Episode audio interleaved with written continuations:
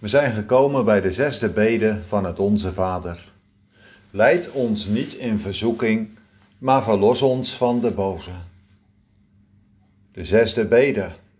Ja, sommige mensen zeggen dat er zeven zijn en dan delen ze deze zesde in tweeën. Nu, daar zullen we maar niet over twisten. Maar het zijn wel twee belangrijke zaken. Leid ons niet in verzoeking en verlos ons van de boze. Een eerste vraag die zomaar kan opkomen is of God ons in verzoeking kan leiden. Nu laten we direct bij het begin maar één ding stellen. God verzoekt niemand tot het kwade. Wel kan de Heer mensen verzoeken om hun geloof te beproeven. Daar zien we een heel mooi voorbeeld van in de Bijbel in Genesis 22. Het staat er ook gewoon maar opgeschreven. En het geschiedde na deze dingen, dat zijn de dingen uit het vorige hoofdstuk, Genesis 21, dat God Abraham verzocht. En dan volgt die overbekende geschiedenis dat Abraham Isaac moet gaan offeren. Dus we zouden kunnen zeggen, Gods verzoeken, dat is eigenlijk beproeven. En in het woord beproeven, daar zit het woordje proeven in. Proberen, smaken. God gaat daar als het ware Abraham testen, uitproberen. Hoe sterk het geloof is, bijvoorbeeld. En God doet dat altijd met een doel. En daar kunnen we heel veel voorbeelden van geven. Bijbelse voorbeelden, maar ook voorbeelden uit ons dagelijkse leven. Denk dan bijvoorbeeld aan allerlei moeilijkheden die er zomaar kunnen opdoen in je leven. Ziekten, of allerlei moeiten en zorgen die er zomaar kunnen zijn. Nee, als de Heere in zijn wijsheid mensen wil beproeven, dan moeten we dat ook maar niet afbidden. En dan bedoel ik natuurlijk niet dat je dat zomaar stoïcijns moet ondergaan. Nee, maar bid dan ook altijd maar uw wil geschieden. Want het kan juist zijn tot ons nut. Want de Heere wil juist ook op die momenten dat Hij beproeft, het geloof beproeft, dat het goud van het geloof openbaar gaat komen.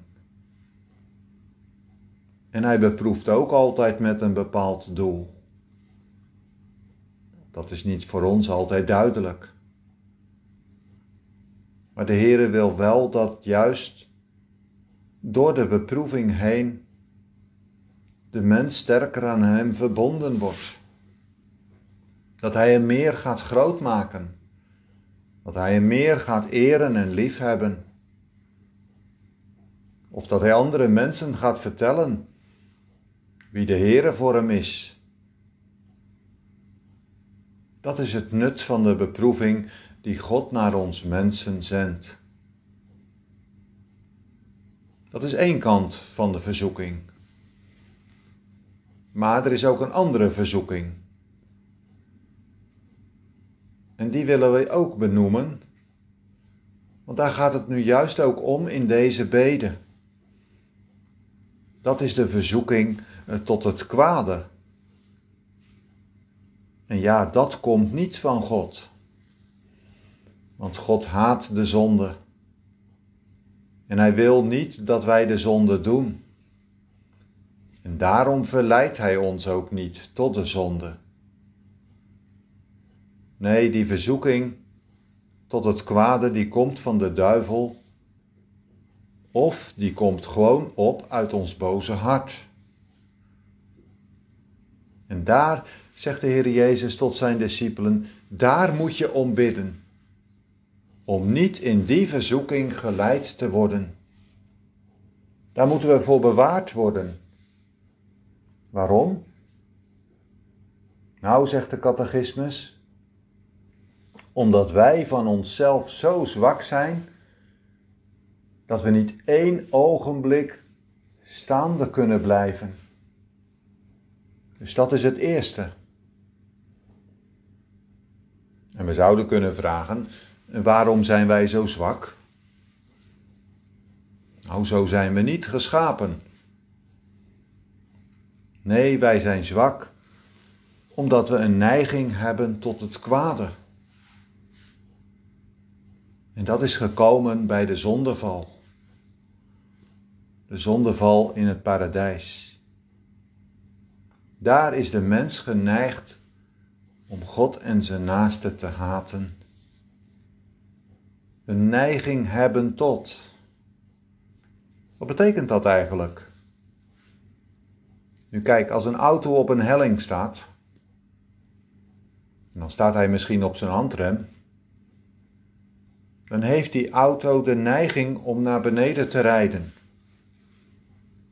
De rem verhindert dat toch. Maar hij wil wel. En zo is het nu ook met ons mensen. Ons hart is geneigd tot het kwade. En als de rem weg is, ja, dan wordt het gevaarlijk. Kijk, dat is onze diepe val in Adam. Ons hart gaat van nature uit naar kwade dingen. Naar dingen die voor ons aantrekkelijk zijn. En gelukkig is er dan vaak nog een rem. Bijvoorbeeld ons geweten, waardoor we bepaalde dingen niet doen. Of onze opvoeding. Of het besef van goed en kwaad. Of onze sociale omgeving. De Heer heeft ons juist in die verbanden geplaatst, zodat er ook remmen zijn in ons leven. Maar op bepaalde momenten, en die momenten zie je ook soms in de wereldgeschiedenis gebeuren, dan gaat de rem er als het ware wat af en komt er oorlog. Of allerlei andere grote problemen die mensen veroorzaken. Maar ten diepste zijn we allemaal liefhebbers van onszelf. En daarom misschien ook wel een gevaar voor onszelf. Maar daar is ook de duivel, de boze, die zo graag wil dat wij kwaad doen, die ons altijd ophitst tot het kwade, die niets liever wil dan God treffen in zijn schepsel en in zijn schepping. En die duivel, ja, die gaat ook verzoeken. En dat kan hij doen op allerlei manieren. En daarom moeten wij ook streven naar een leven dat ver weg blijft van de zonde. Maar hoe moet dat dan? Nu zegt weer onze catechismus, dat kan alleen maar door de kracht van de Heilige Geest. Zodat wij in deze strijd, die geestelijke strijd, niet onderliggen maar dat we weerstand kunnen bieden. Totdat, ja, tot wanneer? Totdat wij over die doodsjordaan komen in dat Canaan der rust.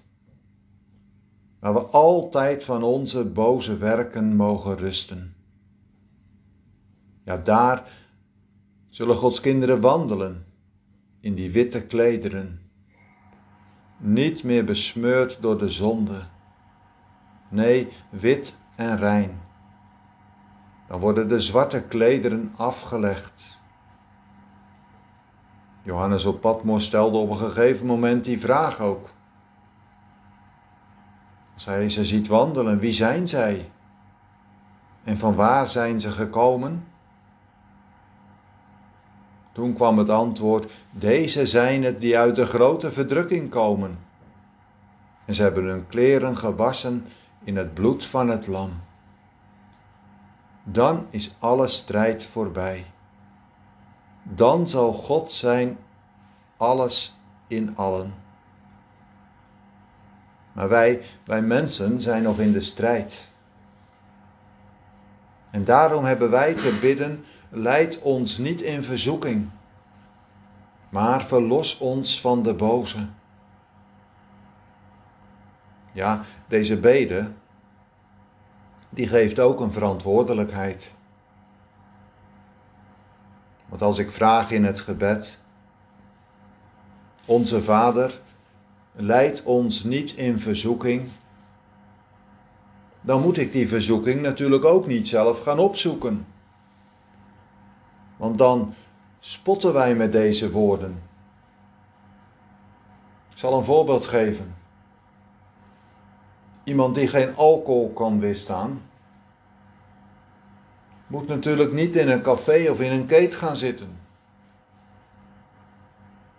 Iemand die bidt om bewaring van de zonde, moet niet allerlei vage filmpjes op internet gaan bekijken. Iemand die geen nee tegen zijn vrienden kan zeggen, als ze naar plaatsen gaan waar je niet als christen behoort te komen, dan moet je je vrienden maar niet opzoeken. Kijk, begrijp je dus hoe je een verantwoordelijkheid hebt, ook in deze beden naar de Here? Tja, hoor ik iemand zuchten. Dit red ik dus nooit. Want overal om mij heen is het zonde. Hoe moet dat toch? Kan je het onze Vader dan eigenlijk nog wel bidden? Nou, zegt de catechismus, daar is ook de Heilige Geest. En ik heb jullie wel eens meer gezegd, je zou ook kunnen zeggen de Heiligende Geest. De Geest die wil heilig maken. De Geest die rein wil maken. En daarom bid dan om het werk van die geest in je hart. Ja, zegt iemand. Dat kunt u wel zeggen, maar mijn gebed is zo arm. Nou, al die dingen, als je daar nu zo mee worstelt, moet je eerlijk tegen de Heer vertellen. Zeg dat maar tegen de Heer waar je worsteling mee is. En bedenk ook dat er een grote voorbidder is in de hemel. En die weet wat van zijn maaksel is te wachten. Hoe zwak van moed ze zijn en klein van krachten. Maar toch die in de nood hun redder is geweest. En waarom? Waarom is het nu zo waardevol dat die grote voorbidder in de hemel is? Maar die grote voorbidder, die weet precies wat wij hier op aarde meemaken.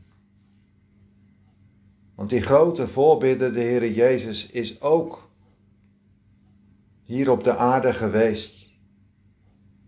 Heeft onder ons gewoond weet heel goed op het allervolmaakt zelfs wat de mensen drijft. Waar ons hart altijd maar weer naar uitgaat. Maar weet je wat het bijzondere is? Deze grote Jezus is wel staande gebleven in al die verzoekingen. Denk maar een heel dat stukje uit Matthäus 4. Lees dat ook misschien vanavond maar eens na. Als hij begint in zijn optreden hier op aarde, zo toen hij 30 jaar oud was. Een van de eerste dingen die hij dan gaat meemaken is dat de duivel komt om hem te verzoeken. Maar hij, hij is wel staande gebleven. Het is ook goed te bedenken hoe hij dat deed. Hoe heeft hij nu de duivel weerstaan in die verzoekingen? Als je die geschiedenis leest, dan komt hij iedere keer, als de duivel hem wil verleiden, met een gedeelte uit het woord. Of met een stukje tekst uit het woord. Dan zegt hij Satan, er staat geschreven. En zo, zo heeft hij hem steeds weer overwonnen. Omdat hij zo goed wist wat er in de Bijbel staat. En dat is nu ook voor ons zo nodig, hè? dat we precies weten hoe de Bijbel over bepaalde situaties spreekt. Wij moeten ook gefundeerd zijn, geworteld in dat woord, in dat lieve woord van God. Daar moeten we in thuis zijn en daarom, jongens, die Bijbel moet open. Veel, iedere dag. Daar moet je in lezen, maar niet oppervlakkig in lezen, daar moet je in studeren.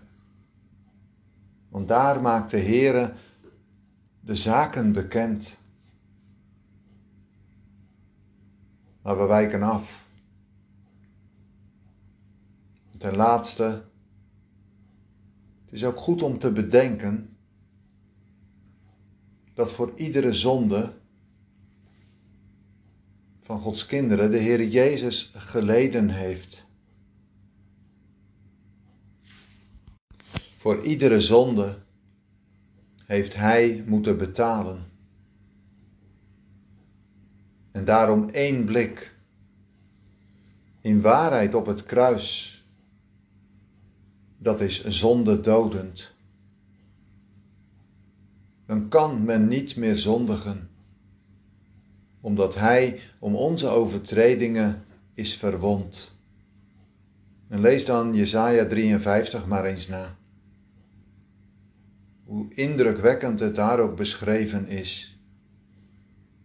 Om onze overtredingen is Hij verwond.